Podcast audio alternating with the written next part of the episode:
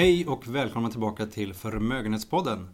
Idag är det måndag, det är den 11 mars och det är strax efter lunch. Solen skiner ute och det är en fantastiskt fin vår-vinterdag. Och så här i början på månaden som vanligt, Rosmarie Westman, välkommen hit. Tack Lars. Du, det har hänt mycket här sen vi satt här senast och eh, du kan väl berätta lite grann. Vad, om vi börjar med Europeiska Riksbanken. Mm. De har haft möte och kommunicerat efter det. De har lagt om lite grann kursen där och eh, de gjorde som så att de förändrade sina tillväxtprognoser för ekonomin för 2019 och euroområdet eh, och eh, gjorde det ganska rejält. Från 1,7 tror jag det var till 1,1 och i samband med det så tog de också bort förväntan då, eller sin prognos sin räntebana som det kallas eh, om att de skulle höja i slutet på det här året. Den tog de bort och nu är det skjutet. Eh, nu blir det ingen räntehöjning i Europa förrän 2020. Så det är en viktig signal och en väldigt positiv signal men det blev också lite eh, dystert i marknaden av att de bekräftade den här dystra konjunkturbilden. Så det var inte enbart positivt. Jag tror de drog ner tillväxtprognosen vad var det, från 1,7% till 1,1%. Ja. Och det är väl närmare 35% sänkning det. Så att, mm. Eh, det kan jag förstå att det blir lite dystert runt det. Men vad innebär det här för Riksbanken i Sverige då? Ja, det betyder ju att det kommer bli väldigt svårt för Riksbanken att höja. Eh, de har ju tänkt att höja till hösten och eh, vi får se vad deras respons på detta är vid deras nästa möte. Men jag, jag var väldigt tveksam till att de skulle kunna höja redan innan vi fick det här beskedet. Eh, jag trodde kanske inte att ECB skulle vara så tydliga som de var, att gå ut så pass tidigt på året som den fortfarande ändå är. Eh, utan det skulle dröja lite längre. Sen hade de ett annat tillägg till eh, räntebanan, det är att de också skapar nya långa lån för bankerna, banksystemet. Och det gör de från september, vilket också är en väldigt bra besked. Och då har vi också en ny ECB-chef installerad i september. Så det blir också ett bra dukat bord för nästkommande ECB-chef. Okay. Vi, vi lämnar det där och så går vi över till handelsavtalet. Eh, jag tänker mellan Kina och USA. Eh, det är inget toppmöte bokat vad jag vet, men eh, blir det något toppmöte?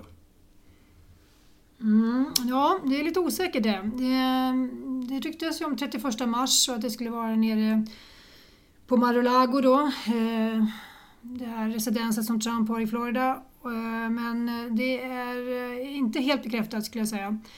Ehm, det börjar bli, alltså USA har varit väldigt positiva, handelssamtalen som har förts har gått bra, alla punkter är på dagordningen och alla är adresserade som jag har förstått det mer eller mindre, även om man inte är helt i hamn. Men jag tror att man är då för positiv i USA. Eh, man har alltså, jag tror att man ska se det här när kineserna sitter och förhandlar, då sitter de och förhandlar utifrån att om den här punkten blir accepterad, då kan den komma att se ut så här. Eh, jag tror inte alls att det är eh, skrivet i sten på något sätt, även fast man har då förhandlat punkt för punkt. Utan det blir en, en kraftkamp den 31 mars, eller vilket datum det nu än blir, då, mellan Xi och Trump. Och de har ju sagt nu från Kina, de, de signaler vi får det är att man vill ha ett avtal mellan eh, det man respekt, som är respektfullt mot båda parter naturligtvis och att de är mellan, ett avtal mellan jämnstarka motparter. Eh, och det kan man ju inte säga att det är det som ligger på bordet nu utan då är det ju bara USA som har fått igenom allt vad de önskar kan man säga. Mm. Och Kina får väl egentligen inte igenom någonting utan de får rätta in sig i ledet och det tror jag är ganska förmjukande i, i slutändan. Och eh, den som behöver avtalet, USA vill gärna beskriva det som att det är kineserna är desperata för att de har svag ekonomi nu. Och själva hävdar de att USA har väldigt stark ekonomi men jag tror eh, när man tänker på hur långsiktiga de ändå är i Kina och att de har heller inte något presidentval, vilket Trump har 2020 så tror jag nog att rent eh, objektivt om man tittar på det från utsidan då, då, då ser jag att Kina har mycket starka förhandlingskort fram, ja, till det här mötet och eh, om jag kan komma in på även på Nordkorea lite grann. Så jag tänkte ju säga det, för mm. Nordkorea spelar väl en ganska stor roll i, i den här relationen mellan USA och Kina också, i förhandlingarna. Ja, det tror jag absolut att de gör. Och eh, det här att, de, att det inte blir något resultat där Det är helt enligt plan när det gäller Kina tillsammans med Nordkorea och eh, att det inte skjuts missiler. Menar du Kinas plan då? Ja, Kinas plan. Eh, Trump hävdar ju att han, det är hans förtjänst att de inte skjuter missiler längre i Nordkorea och jag skulle nog säga att det är Kinas förtjänst och det, är också, det, skulle, det borde vara Kinas, i Kinas intresse att också få betalt för den ansträngningen och att de håller sin granne i schack där. Det är ju, det är ju ändå en lierad får man tänka på så att det är, det är, ett, det är ett spel på ganska högt, eh, högt spel och eh, blir det det vore väldigt problematiskt för, eh, för Trump om han skulle få tackla det här problemet på nytt, att de utvecklar sin, sina kärnvapen. Och just nu ser det ut som att de inte har tänkt att lägga ner den verksamheten så det, är, eh, det sätter stor press på Trump. Just det. Vi pratar handelsavtal och eh, just med den här globaliseringen som jag har haft. Du skrev i marknadsbrevet som kom ut förra veckan om deglobalisering. Eh, vad är det för begrepp? Mm. Vad, vad menar du? Det är, det är det bästa ord jag kommer fram till på det här.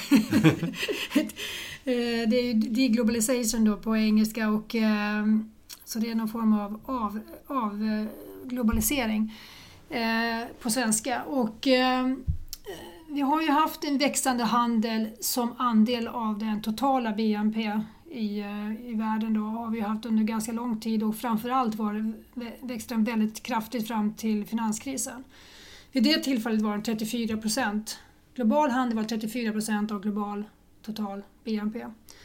Eh, efter det så sjönk den ju väldigt kraftfullt i samband med krisen då och eh, sen fram till 2017 så återhämtade den sig i, i små steg så den var uppe på 31 procent men sen har den då sjunkit igen här nu under 2018 och eh, med lägre tillväxt och inbromsning, vi har ju en synkroniserad inbromsning i ekonomierna nu, även om vi inte vet exakt hur djup den blir i olika delar, i vilka länder som drabbas värst och så vidare, så vet vi att den är synkroniserad och då kommer med största sannolikhet eh, handeln att, även, att krympa även i år. Ehm, och sen kan vi ha strukturella skäl också. Vi har ju mer fokus på nationalism och protektionism och sådana här saker. Så det, det, finns ju politiska vindar som, som, uh, som förstärker den här trenden. Och uh, det är klart att då finns det några länder som är extremt öppna. vi har ju Sverige då, det är det närmaste exemplet. Vi har ju 50 procent 50 procent? Av BNP som är handel. Och eh, vi har ju de baltiska länderna men vi har även Tyskland då som är väldigt beroende av utrikes. De ligger också på 50. Eh, så här kan det ju man behöva förändra helt enkelt eh, ekonomins sammansättning. Men det, det sker ju inte på, på, på kort tid och det behöver inte heller ske på kort tid. Men eh, det, det var ganska länge sedan som Sverige väldigt ensidigt var beroende av, alltså hade vi bra tillväxtekonomi så har det, har det inte berott på att vi haft en kraftfull tillväxt i exporten till exempel utan den har mer vilat på bostadsinvesteringar och bra privatkonsumtion. Men då vet man ju också var känsligheten ligger och nu är det egentligen bara privatkonsumtionen som är kvar. Det är det, det, är det vi verkligen får hoppas på att den håller upp. Annars får vi en lite, ännu lite mer kraftig inbromsning i Sverige. Då. Men du menar på att den här trenden med avglobalisering, mm. det är någonting som kommer, vi kommer att se eh, under en längre tid? Eller? Jag skulle tro det, för jag tror att den här tilliten till systemet, eh, många pratar om frihandel och eh, alltså när man gör nya avtal, men jag tycker de nya avtal som USA gör och framförallt, och inte minst med, med Kina, de har ju väldigt lite med frihandel att göra utan där committar, tvingar man ju Kina att committa vissa kvoter om man ska köpa saker. Det påminner väldigt lite om frihandel. Och mer om hur man säljer JAS-plan. ja, det är något, eh, något quasi, quasi marknadsekonomi även på andra ja. ställen. Det, Så att, eh, ja, det kan bli tufft. Vi lämnar det och, och tittar på ett annat avtal då som eh, inte heller är på plats. Brexit. Det är 18 dagar kvar innan det ska lämnas. Eller innan Storbritannien ska lämna. Mm. Vad, vad händer? Ja, man har ju haft många omröstningar och eh, de har ju inte lett till sådär väldigt mycket klarhet. Men vi har tre nya omröstningar i den här veckan som då beskrivs som de absolut tre sista. Vi får se hur det blir med det.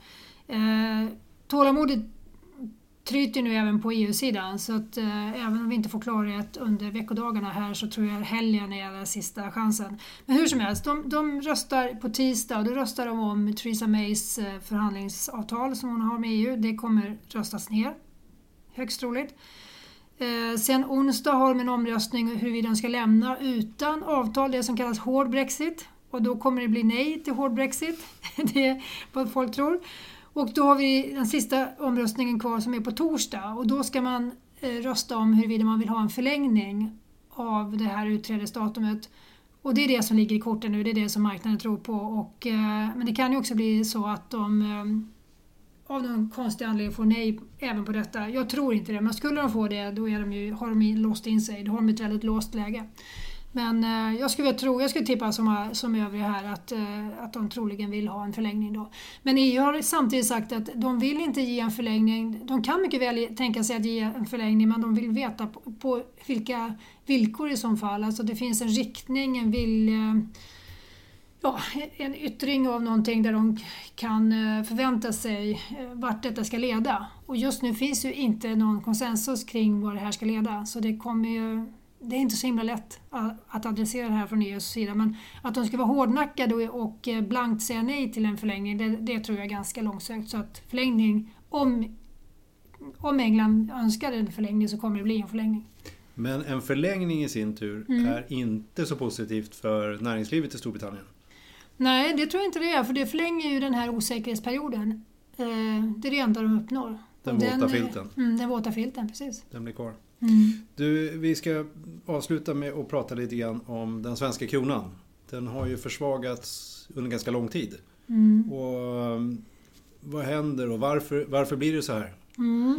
Det är många som ställer den frågan nu och eh, man kan eh, på även Riksbankens kommentarer se att de själva är lite förvånade nu att, eh, för, att försvagningen kommer just nu eh, ytterligare försvagning då. Och, eh, många undrar, vi får mycket frågor från våra kunder och eh, det är väl en kombination av det här att eh, Sverige inte kommer kunna höja räntan, det som vi var inne på eh, när vi inledde idag. Mm. Eh, det är en orsak och sen har vi kanske lite allmänt misstroende. Eh, kanske man kan tolka det så när, man inte, när det är nivåer som man inte längre förstår sig på. Sen kan det vara så här att, att marknaden har en uppfattning om att Sverige strukturellt då är lite mer försvagat om vi inte ska ha den här... På kort sikt om industrikonjunkturen är väldigt svag så är det naturligtvis negativt för Sverige. Så då kan vi få en släng av den sleven också kortsiktigt. Ehm, och eh, ja, vi är på höga nivåer. Ehm, vi har ju varit på 10 och 60 någonting mot euron. Det är lite svårt att se att vi ska upp till ända till 11 kronor. Ehm, men det kommer nog ta ganska lång tid om det här när det vänder så kommer det bli en långsam förstärkning och det i och för sig tycker jag skulle vara en bra utveckling för vi har ju också exportföretagen att tänka på att de gynnas inte av någon väldigt snabb förstärkning. Men eh, men man vet inte. Det finns också flöden i marknaden som exportföretagen, de säljer inte av längre sina exportintäkter som de gjorde tidigare då på termin som man säger, när man, man säljer dem innan man har dem i böckerna. Då har man ju alltid fått en extra eh, premie för det. Tidigare då när ränteskillnaderna varit åt andra hållet, när utländska räntor alltid var högre än de svenska räntorna. Förlåt, de, ränt, de svenska räntorna har alltid varit högre än de utländska, då har man fått en premie på det. Nu får man betala för att säkerställa en viss kurs och då har då har företagen eh, valt att, att inte göra det. Och eh, när sådana stora flöden vänder så kan det ju i och för sig gå ganska snabbt. Och de här första 10 procenten, 5-10 procenten av förstärkningen av, av, bara den anledningen. Just det. Du, eh, det var någon kund vet jag som pratade med dig här om hur ska man göra i portföljen nu då? Eh, ska man sälja av utländska aktier i och med att svenska kronan borde stärkas och istället satsa på svenska aktier? Eh, hur resonerar du där? Det är många parametrar eh, som spelar in här när det gäller både valutor och börsutveckling och eh, man kan ju fråga sig varför man har globala tillgångar och det har man ju av det skälet att man vill ha en diversifiering. Framförallt en diversifiering när det gäller olika tillgångar. Och sen när det gäller eh, kurserna här då, olika valutakurser så har vi ju helt ohedgade aktier. Eh, Eh, placeringar. Så att det där brukar ta ut varandra över tiden ganska väl och jag tycker i det här fallet så ska man ha det i minnet att man tappar faktiskt diversifiering om man backar in i svenska kronan och samtidigt backar in i den svenska börsen så har man ju då minskat diversifieringen. Så i det här läget tycker jag nog att man ska sitta still i botten snarare och att man har nytta av den där över tiden. Det vill säga behålla diversifieringen mellan svenska och globala aktier? Just det. Ja, för att det är för många parametrar som spelar in. Ja. ja. Tack Rosmarie. Med det så avslutar för idag. Tack Rosmarie för att du kom hit och tack, tack eh, er lyssnare för att ni har lyssnat. Och eh, innan jag lämnar er så skulle jag vilja tipsa om en artikel som vi har på vår hemsida, burenstam.se. Under Bevara och utveckla det så finns en artikel om, eh, den heter Kapitalförvaltare eller förmögenhetsrådgivare. Och där gör vi ett litet försök till att reda ut begreppen runt kapitalförvaltning och förmögenhetsrådgivning. Jag tror att det kan vara intressant läsning. Hoppas vi hörs igen. Hej då!